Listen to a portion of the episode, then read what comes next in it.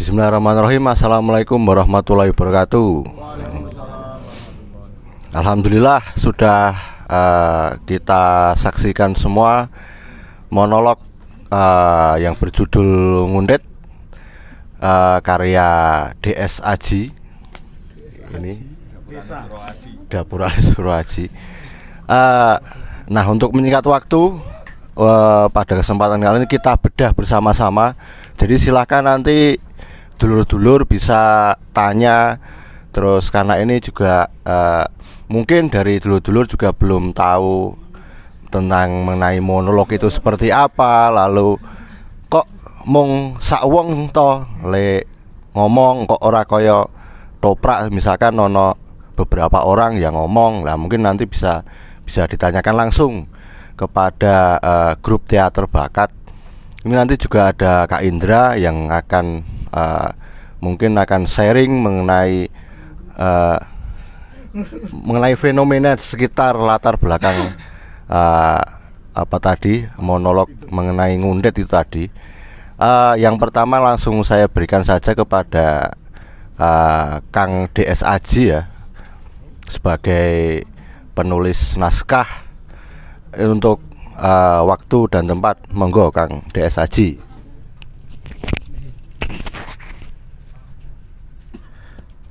Matur nuwun Mbah Hatar dan teman-teman semua yang sudah menyediakan tempat terutama Mas Aziz, Mas Kenyat.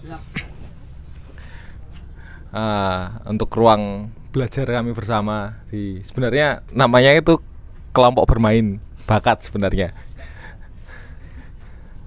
Uh, ruang sebenarnya ruang untuk bersenang-senang bagi teman-teman ini yang di tengah rutinitas begitu.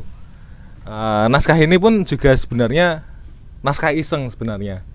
Akan biar agak dikira serius uh, mengangkat tema ya di masa-masa orde baru. Tapi di dalam naskah ini tidak uh, apa ya menyebutkan di negara mana dan kemudian uh, situasi zaman seperti apa. Tak pikir uh, situasi eksil itu bisa terjadi di mana pun baik dalam negara fasis maupun negara komunis begitu uh, di Soviet juga banyak terjadi eksil Nah ini adalah salah satu fenomena pelanggaran HAM yang kemudian mencoba disorot oleh teman-teman begitu. Uh, kenapa kok mengangkat tem tema eksil ini? Uh, sebenarnya pengen ngomong sih uh, kalau uh, pelanggaran HAM masa lalu itu bisa menyebabkan situasi sampai hari ini. Bahkan banyak orang-orang pinter terdahulu misalkan yang di di Indonesia ini banyak dulu potensi-potensi uh, orang-orang pintar yang disekolahkan ke luar negeri begitu, tetapi tidak bisa kembali ke Indonesia karena uh, situasi politik perubahan politik perubahan rezim begitu. Ini menyebabkan uh, potensi-potensi yang sebenarnya bisa dimiliki oleh Indonesia itu uh, tidak jadi karena mereka tidak bisa kembali gitu. Nah ini ini yang kemudian mencoba disoroti dan persoalan yang sebenarnya diangkat di di naskah ini uh, lebih bukan bukan kepada eksilnya tetapi lebih kepada pola-pola pembangunan yang kemudian uh, bisa merusak atau merubah misalkan makam makam salah satu tokoh yang kemudian berperan dalam kemerdekaan negara ini atau bahkan berperan dalam uh, negara ini di masa lalu hilang dalam proses pembangunan misalkan pembangunan waduk atau pembangunan jalan tol yang mengakibatkan uh, punden, makam punden atau kemudian uh, sumber mata air itu hilang bisa merubah uh, sumber kebudayaan.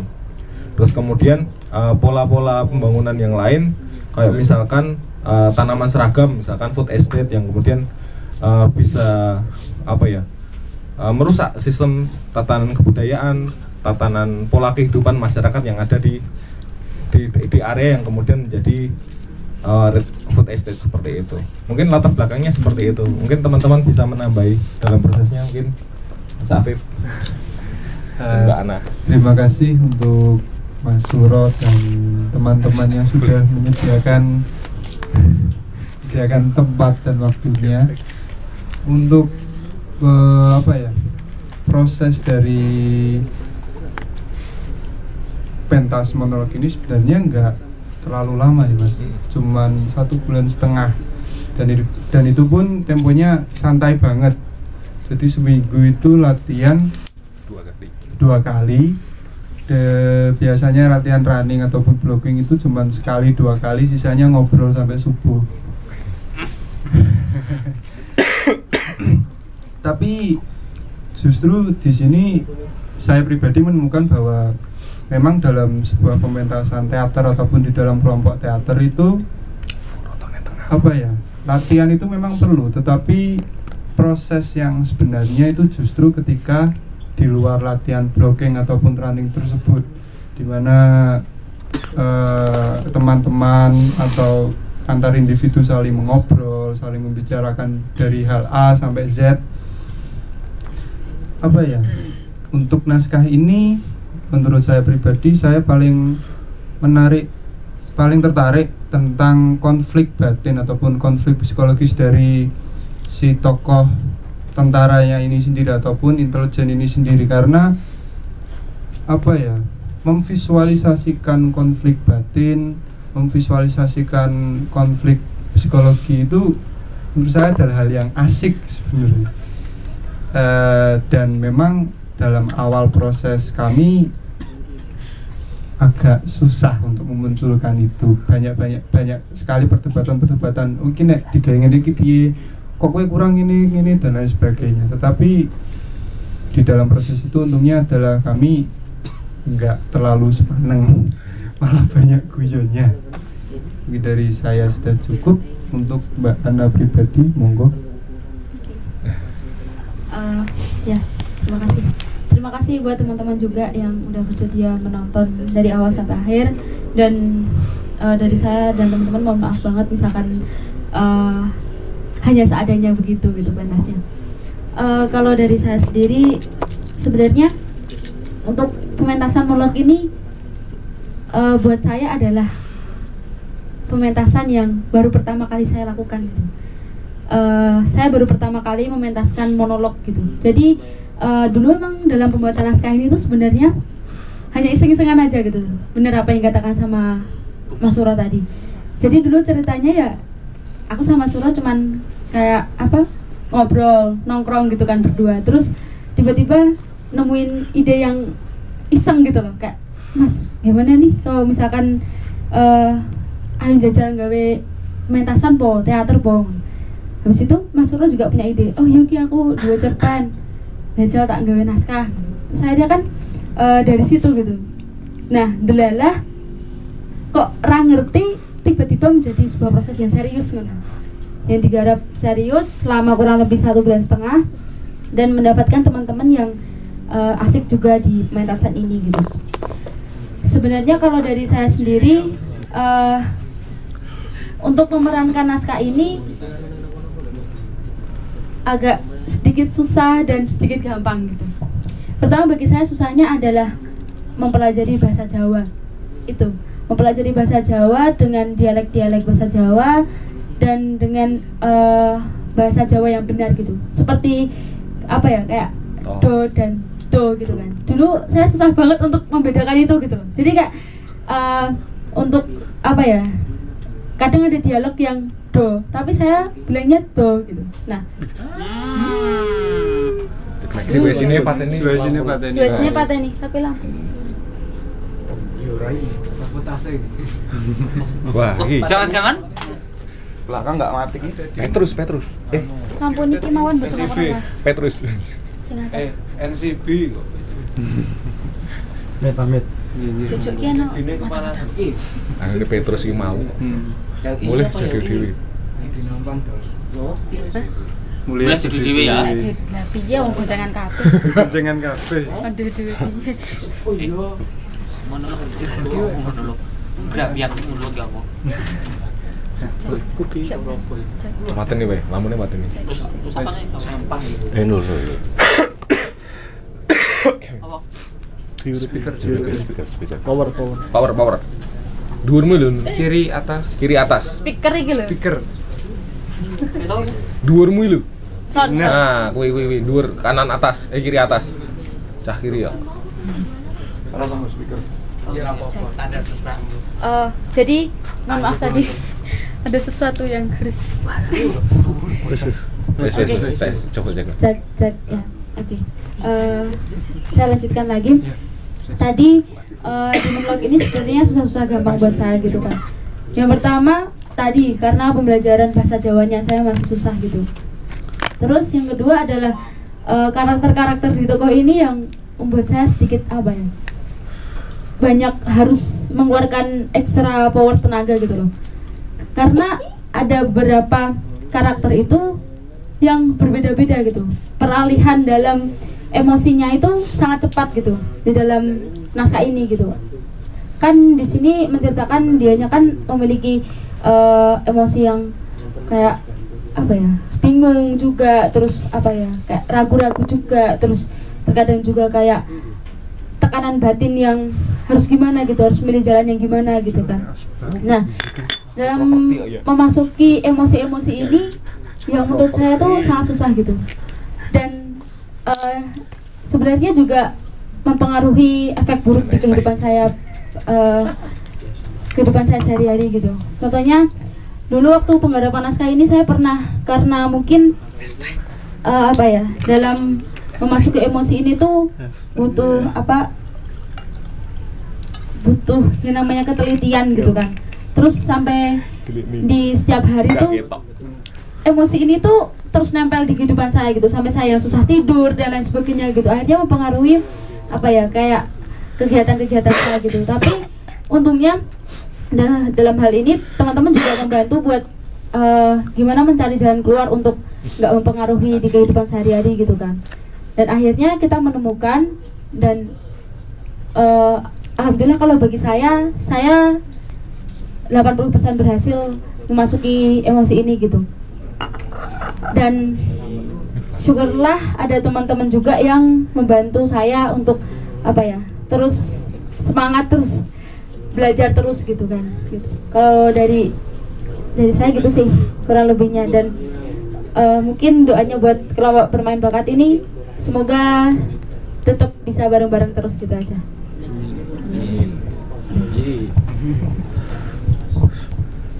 Tepuk tangan sekali lagi biar nggak ngantuk. Eh, langsung saja eh, saya serahkan kepada Kak Indra untuk eh, sharing mengenai ya peristiwa seputar latar belakang ya, yang ada dalam naskah atau mungkin dapat memberikan masukan ya Kak Indra. Monggo Kak Indra.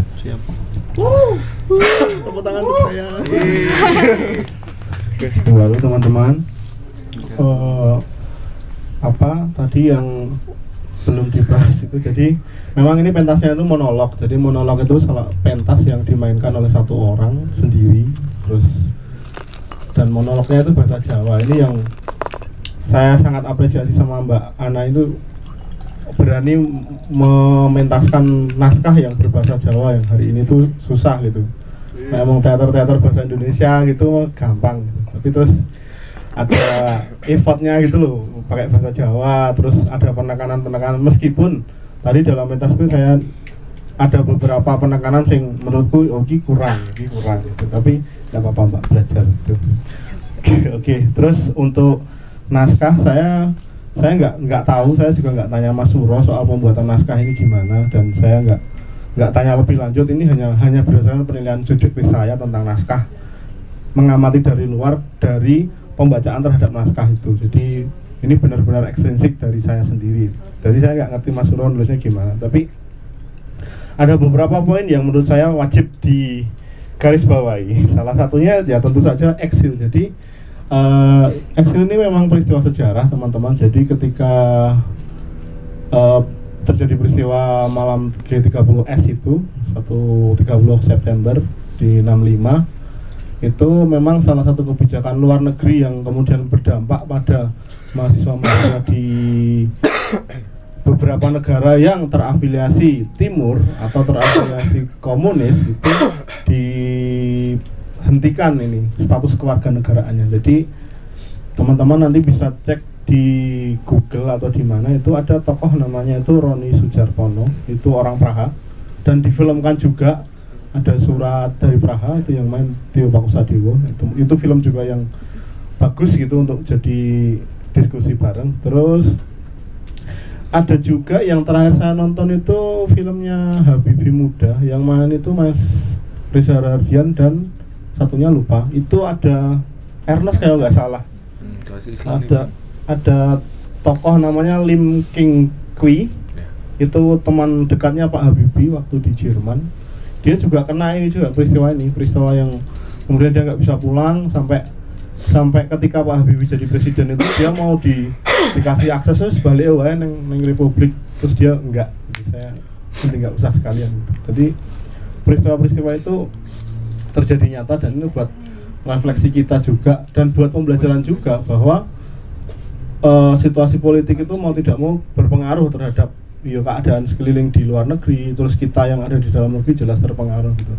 Terus kemudian kalau di dalam negeri yang dibahas dinas kaya Suro itu kan jelas pembangunan waduk gedung ombo di tiga kabupaten itu Boyolali, Sragen dan Gerobokan itu menenggelamkan 6 atau 7 kecamatan saya lupa.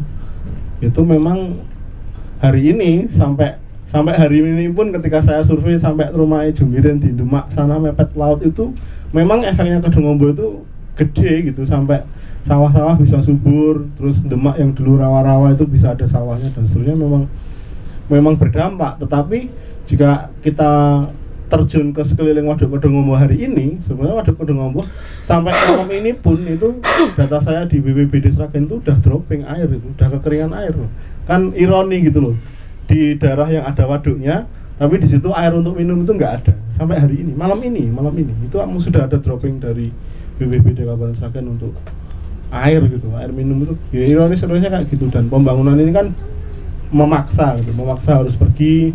Terus Pak Harto juga pakai istilahnya apa ya bedol desa dan seterusnya. Tapi mengabaikan banyak banyak hal. Seperti yang disinggung di naskah itu ada makamnya Ki Ageng dan Nyi Ageng Serang sebenarnya. Jadi ada tokoh itu namanya Ki Ageng dan Nyi Ageng Serang itu dimakamkan di wilayah yang sekarang menjadi Waduk Gedongombo itu. Nah dulu itu namanya Kadipaten Serang. Waktu itu ketika perang Jawa pun dia masih juga basis sebagai wilayah pemberontakan juga. Jadi ada temenggunya nanti namanya Temenggung Malapara di beberapa riset tentang orang Jawa. Nah saya nggak tahu motifnya Pak Harto atau motifnya presiden waktu itu lah. Kalau nggak boleh nyebut Soeharto sebagai subjek presiden atau kebijakan politiknya itu apa untuk menenggelamkan seluas itu dan uh, apa ya kayak kayak mematikan beberapa titik-titik kebudayaan sing menurut saya penting. Bahkan kemukus yang terkenal esek-eseknya itu saya saya juga masih banyak pertanyaan sampai sekarang. Jangan-jangan kemukus itu bukan esek-esek jangan-jangan ini memang ada membuat mitos baru untuk untuk meminggirkan atau mengstigma bahwa daerah itu memang wajib dijauhi dan dan seterusnya demi pelanggangan itu. Dan tokoh-tokoh yang sampai hari ini masih sugeng seperti Pak Toto Raharjo yang sempat saya temui teman-temannya Pak Romo Mangun teman-temannya Gus Dur terus Mbah Nun gitu Cak Nun gitu. Beberapa teman yang cerita tentang Kedungombo pun juga Pak Dirman. Pak Dirman gitu. Ada beberapa tokoh itu ceritanya juga keras juga gitu. Ada memang nggak tahu gitu kok kok pertimbangannya justru justru penenggelaman karena tanpa solusi. Gitu. juga cerminan yang penting gitu untuk untuk di dipelajari. Terus kemudian di naskah ini juga membahas tentang soal revolusi hijau. Revolusi hijau ini ketika uh, pertanian kita yang punya banyak varietas padi itu tiba-tiba diseragamkan hanya beberapa puluh jenis padi.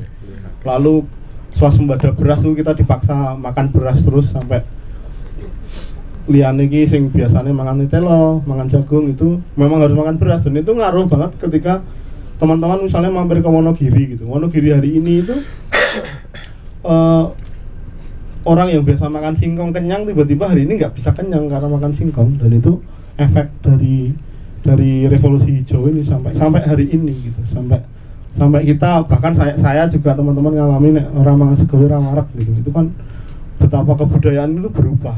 Dan dan kebudayaan ini berubah karena karena karena gerakan politik karena stabilitas politik yang waktu itu memang sengaja di, di gerakan ke arah situ. Dan itu juga refleksi yang sangat menarik. Terus yang sisi lainnya bagi saya soal eksil itu eh, apa ya ada juga dalam naskah fiksi. Jadi ini bukan karya sastra baru soal eksil. Di salah satu teman-teman yang wajib baca nah, teman-teman sastrawan itu bisa baca bukunya Milan Kundera judulnya Ignorance. Itu ada tokoh namanya Irene.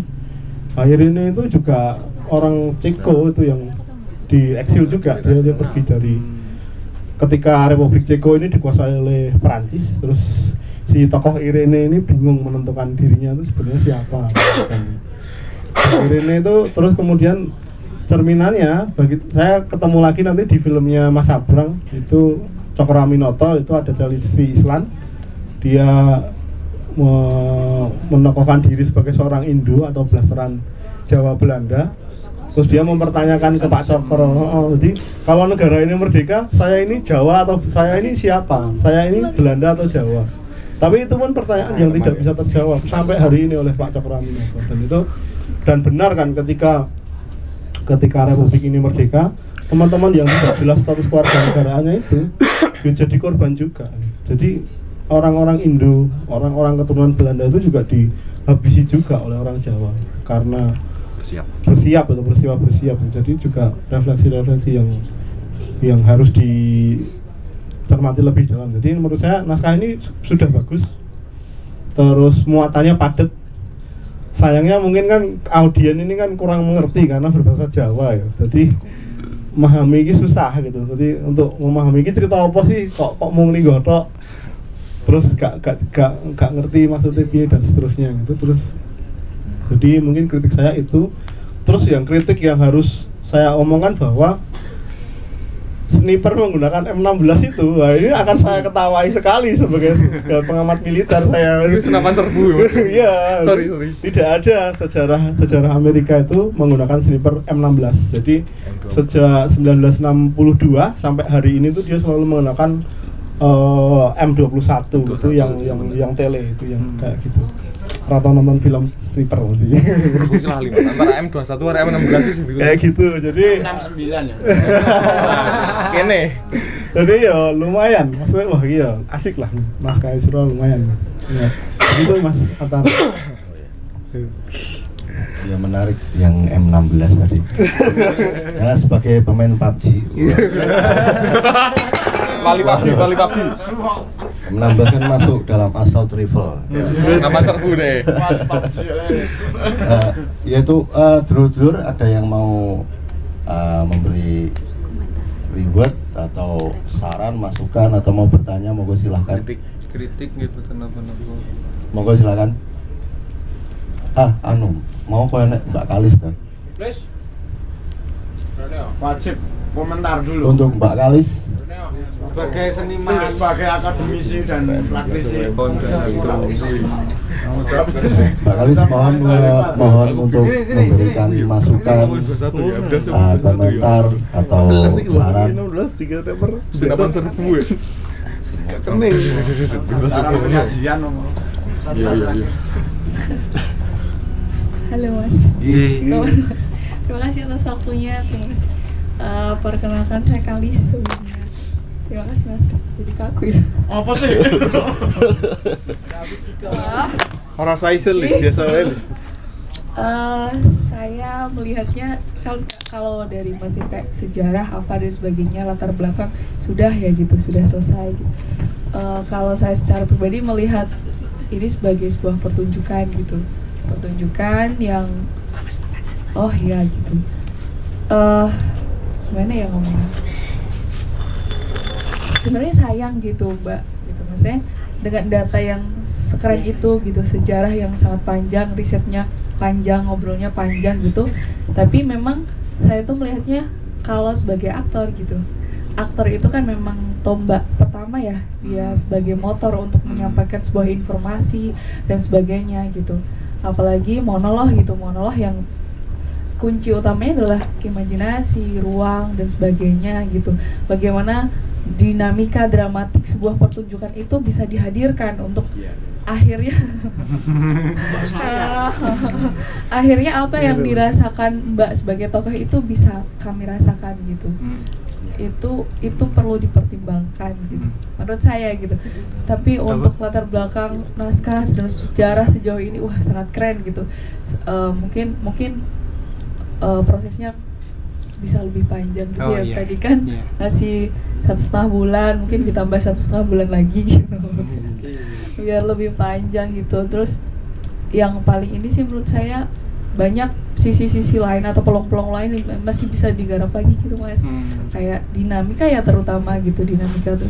Kayak tadi tuh kayak nungguin ini gimana dan sebagainya dan sebagainya. Pertimbangannya untuk aktor duduk se selama itu apa dan sebagainya untuk dialog dinamika bagaimana itu sangat perlu dipertimbangkan karena ini ki- ki- kita semua atau mas teman-teman dari teater itu memilih menyedi eh, apa ya menyajikan data ini menjadi sebuah pertunjukan gitu.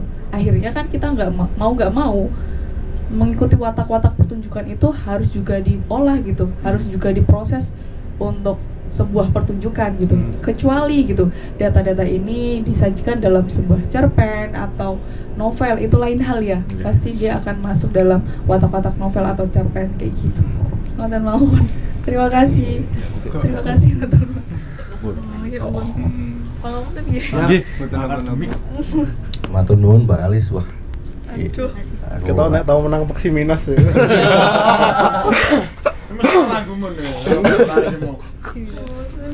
Aku sebagai moderator atek dong. Jadi ngomong apa kan? A- ada yang monggo yang lain melibatkan Kang Riwus. Nah, tadi di belakang tadi ngobrol bahwa dalang ketika dalang itu juga semua seni masuk gitu loh. Apalagi monolog sangat bahwa seni pewayangan ini sangat monolog. Nah, ini ada masukan enggak ini? Monolog. Kang Riwus monggo. Kiriwus. Bisa sanggup banter tapi banter. Banter. Mas Dalang. Ngangge swara Werkudara. request. Oke, terima kasih Mas Satar atas waktunya. Ini tadi saya di sini memposisikan diri sebagai penonton awam sih ya. Terus kemudian ya seperti yang dikatakan Karis benar. Karena ini pilihannya adalah eh, mentransformasikan data-data itu terus kemudian menjadi sebuah pertunjukan monolog. Nah, itu mau tidak mau tadi nah, terus kayak itu eh, secara teknik pemanggungan itu teknik muncul dan lain sebagainya itu memang eh, perlu diperhatikan Nek wis iki wis wilayah suatu pertunjukan. Terus kemudian yang melihat adalah orang awam. Itu wis sama sekali mengesampingkan kemanusiaan. Dalam arti wis ora peduli proses mungkin kaya piye.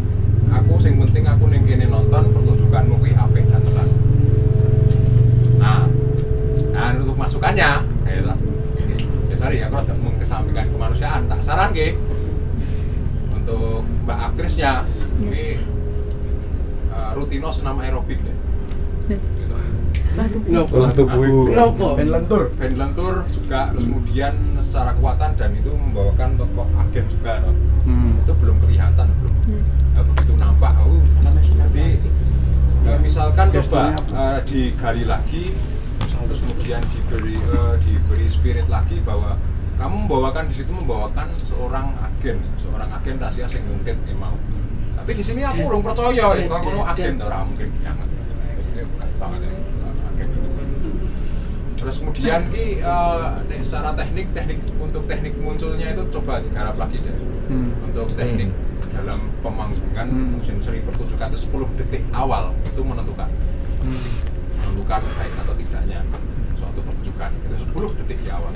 Terus kemudian mbok yo ya. Mbok yo untuk musik ilustrasinya itu mbok yo sing original Oh iya. sing original supaya nanti ketika nanti ini misal ini, ini eh, pertunjukan ini dibawa ke mana-mana kalian tidak takut untuk membawakan dan pede ini benar-benar karyaku Nah, terus eh, selanjutnya untuk tadi ada properti mesin ketik ya Mas Ardian? Hmm. Eh, mesin ketik itu ya? Iya. Nah, Dia kurang banter aku aku coba tanya apa, apa dirimu aslinya nyaman nggak dengan ngetik tadi sebenarnya nyaman gak nyaman sih mas. Sebenarnya Oh, nggak nyamannya nyaman, karena ya. duduknya Kursi sih nih. iya. Oh, karena kursinya. Nah, iya. kembali lagi sayangnya itu ya gimana loh ora peduli penonton. Nah, antara nyaman apa nggak nyaman cuman aku nontonmu kok koyo karo mesin ketiknya kok nggak akrab gitu ya.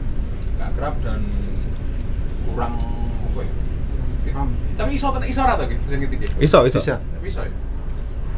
Ya aku menunggu momen sing mesin ketika ini bener-bener sing dia itu panik dia itu kan wis resah gimana terus kemudian aku menunggu mesin ketika ini duduk duduk duduk duduk duduk duduk duduk duduk duduk duduk duduk duduk duduk ngono gitu Trot. Aku- ya trot trot aku pengen menunggu kuwi ning kok ora metu ngono lah Gak suka.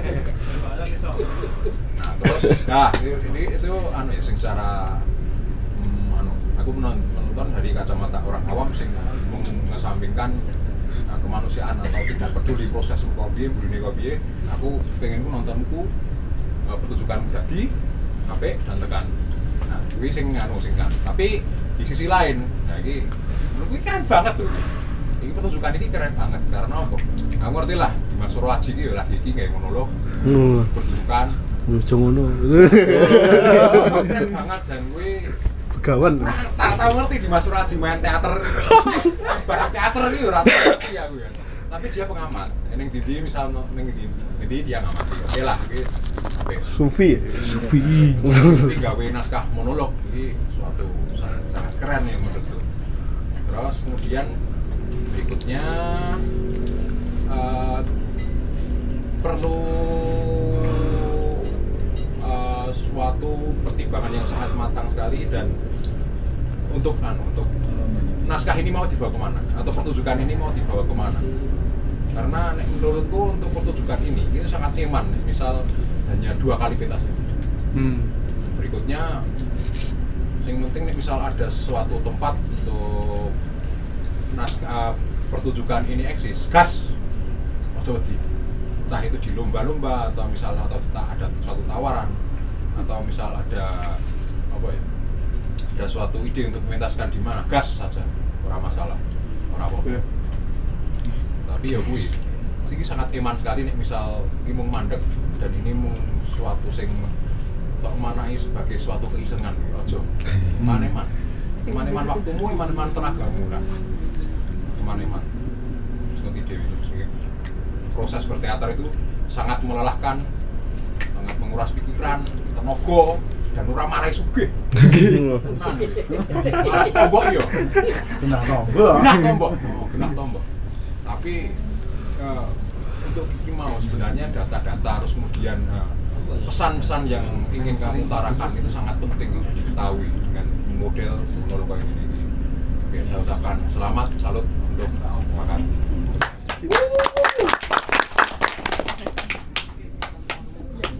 top sekali. Ramun top Romo. Eh, ada dulur-dulur yang mau menanggapi lagi ah Kang toh. apa Mau ketok nyebut sakata. Nyebut Yo, sakata. Dhuwur. Hah? Kaya wis sing wis tak sebut ning dhuwur mau. Iki cerpen. Cerpene sing ketok. Dhuwur mau. Eh, wis kuwi tok iki. Siap, siap, siap, siap. Karo aku mau singkas aku rasan-rasan karo Mas Sarono ki mau. Kepoyo. Mas, kayak apa kursinya di Alteco apa ya? Pokoknya kelet. Ayolah nek sama misal ki monolog anu kan ya aja lingguh terus lah. Ya mesane pemainmu ya. Iya. sapa sutradare sapa to iki? Kowe to. Lur? wah jadi lingguh terus ngono ya ya piye ngono lho digawe sing rada kami teateren ora kami teater Siap, siap, siap. Ngatur kan misal kursi kuwi ngadeg ning kursi kuwi apa ngadeg ning meja apa piye kuwi apik ngono. oke Siap, siap, siap. ada yang lain belum sebelum saya tutup Aku aku. oh monggo Nggih. Sebelumnya terima kasih untuk aku langsung bumik. Matur nuwun untuk konco-konco kelompok bermain PAUD. Bakat. Untuk eh, kehadirannya sampai di sini ya luar biasa. Untuk sebagai untuk berkarya itu sendiri saya salut. Karena hari ini orang enggan berkarya. Hari ini wong ya mikirnya dol tinuku segala sesuatu sudah dol tinuku. Dan dan hari ini eh, dibuktikan bahwa duwe konco dulur-dulur cah enom sing jek gelem berkarya itu sudah bagi saya itu sudah plus. Terus untuk untuk sing soal pementasan se- sebenarnya saya hampir ya harap ngomong ke sing diomongin Mbak Kalis diomongin Kirimus tadi juga sama. Jadi eh, penjiwaan dari Mbak Ana tadi itu kurang kurang kurang maksimal. Tapi apa pun itu karena ya ya bener. Kok penonton itu ketika dia datang delok ya ora urusan. Prosesnya piye? Wah kuwi latihannya gur karo tengah sasi ora urusan. Gua arep sedina arep rong dina bukan bukan urusan kita. Kita nonton nonton aja kan gitu. Terus eh, cuman apa ya? Intinya neng neng neng neng penjiwaan lah burung-burung kecekel nek nek bagi saya. Neng neng aku tetap seneng terhibur karena Ayu.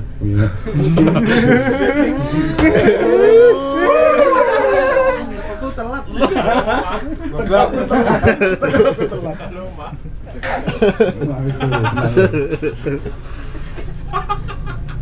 Oh, gestur lah, gesturnya itu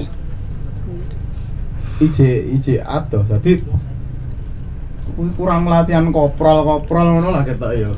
Ketoke diengkok-engkok wong wong teatri latihan Iya, diengkok-engkok kok arep. Iya, wis wis wah, wis ora gur aerobik nganggo ngayang bareng. Ya. Delok.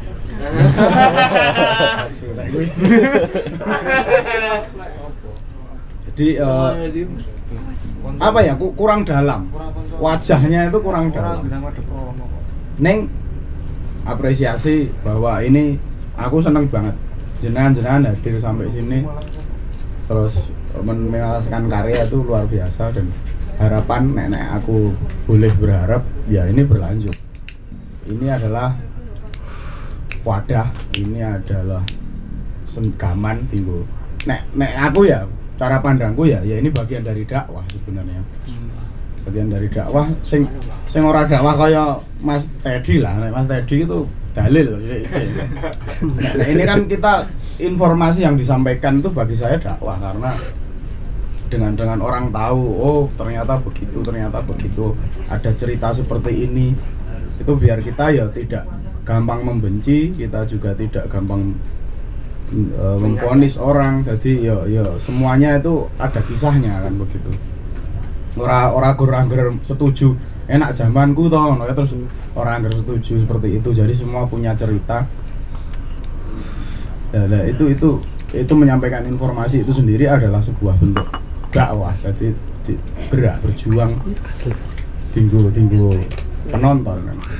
Nah, selanjutnya ya mungkin tadi kayak latarnya nek iso digawe sing original luwih keren. Iya. dan dan saya berharap berlanjut bermain bersamanya itu berlanjut dengan belajar terus sinau dan keren lah pokoknya iki iki mateng dan saya menunggu karya-karya berikutnya dan nanti nek nek karya berikutnya kita menunggu untuk pentas di sini lagi gitu. Matur nuwun.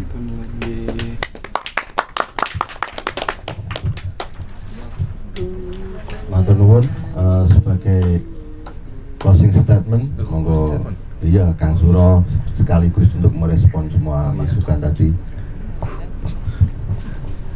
Oke, terima kasih. Pertama-tama saya mau nanggapi Mas Indra ya. soal M16 itu. Saya itu bingung sebenarnya. Sena- iya. senapan Fatal, Amerika kan M kan awalnya kan. Iya. M iki iki M16 sing senapan serbu harus senapan sing tinggo bedil ngeker iki M16 apa M21 kan banyak serinya atau terus oh ya M16 lah akhirnya kan seperti itu. Nah, bener tadi ke- kayak teman-teman misalkan mungkin nanti Mbak Kalis mungkin taruh aneh ya ya eh, masalah komunitas dan sebagainya. Awal naskah ini awalnya memang cerpen. Cerpen saya. Eh, terus yang Cerkak, sebenarnya cerkak. cerkak ah, ah, cerkak cerkak yang gagal di lomba seperti itu tapi kemudian karena tokohnya itu satu apa berce- hanya bercerita dan naskah ini enak dijadikan naskah monolog gitu. Dan ini naskah monolog pertama saya. Dan dipentaskan pertama kali oleh pemeran. dipentaskan. Nah pemerannya pun juga Pertama monolog. pertama kali monolog pertama kali mementaskan berbahasa Jawa. Jadi eh, sebelum nggarap yang lain kayak misalkan eh, gerak, gestur dan lain sebagainya, eh, yang sangat sulit itu adalah dandani eh, dialek logat seperti itu. To, to, do, do. Terus ketika ada akhirannya misalkan kancane begitu terbiasa ngomong koncone gitu yang ketika dandani awal kemudian balik lagi kemudian balik nah, awalnya itu memang memang dandani itu dulu sebenarnya Bu. Eh, kenapa kok eh, masalah gestur dan sebagainya itu kurang garap seperti itu mungkin itu Afif sama Eh, merespon Mbak Kalis terus Mas itu Riwus, Riwus, Riwus. Eh, Mas Riwus kalian masih kalau wow Mirin.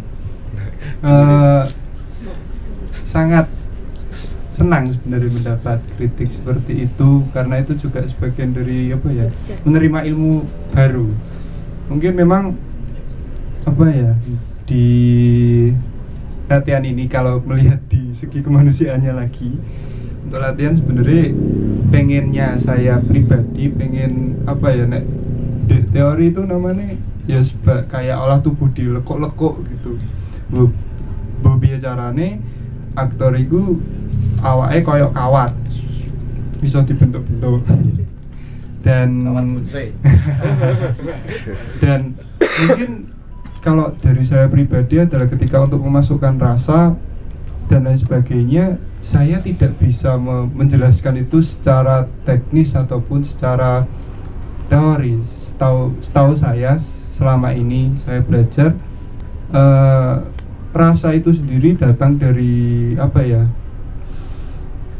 explore ataupun eh, pencarian sehari-hari. Kesehariannya mulai dari menyadari kegiatan paling kecil seolah soal eh, semisal kayak bangun tidur ki awakmu nek tangi turu ki piye? Awakmu langsung jejeg kok piye? Terus mari ngono mungkin. Nek awakmu arep ning kamar mandi kuwi melakumu kok piye dan lain sebagainya. Dan jujur memang saya mengakui bahwa saya saya sendiri mengakui bahwa di pementasan kali ini sangatlah kurang mulai mulai dari gestur rasa terus kemudian tubuh yang menurut saya sendiri juga masih agak kaku dan saya sangat berterima kasih atas kritik dan sarannya dan itu sangat membangun bagi kelompok bermain kami. Terima kasih mungkin Mbak Ana bisa menambahkan. Oke, eh, eh, saya mau berterima kasih sebenarnya karena tadi sudah memberikan apa ya namanya tuh seperti buah bagi saya gitu.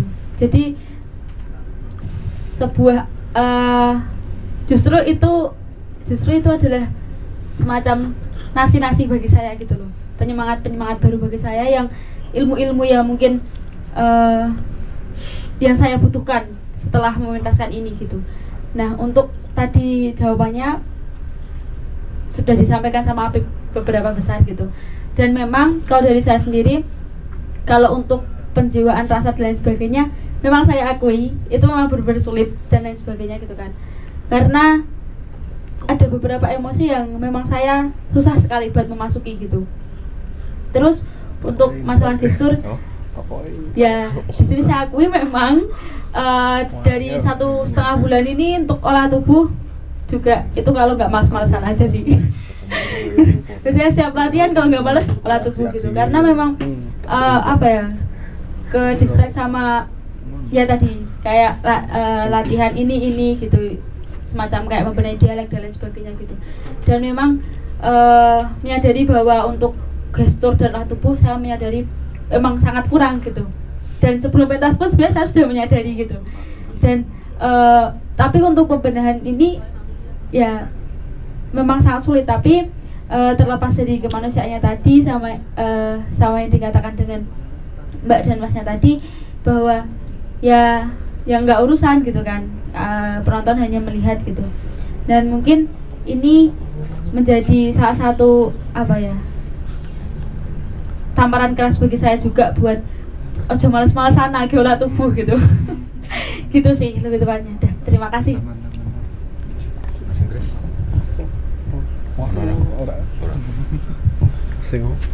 Cukup.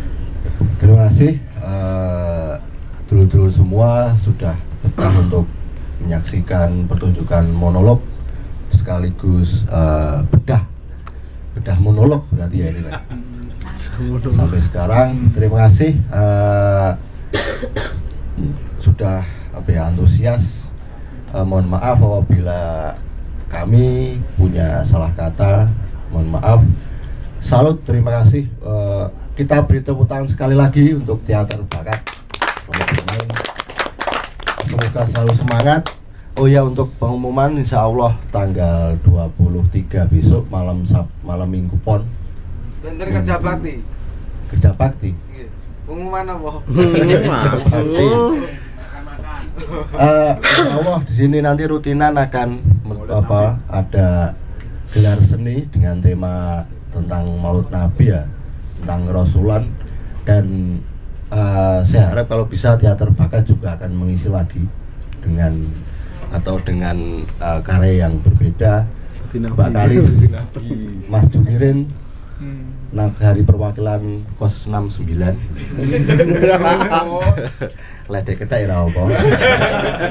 Ledek. Insya Allah, insya Allah ya nanti uh, untuk info selanjutnya akan saya uh, kabari lagi. Sudah sekian, wallahul muwaffiq ila komitorik Endulnya metu. wabarakatuh Waalaikumsalam. Salam Aduh.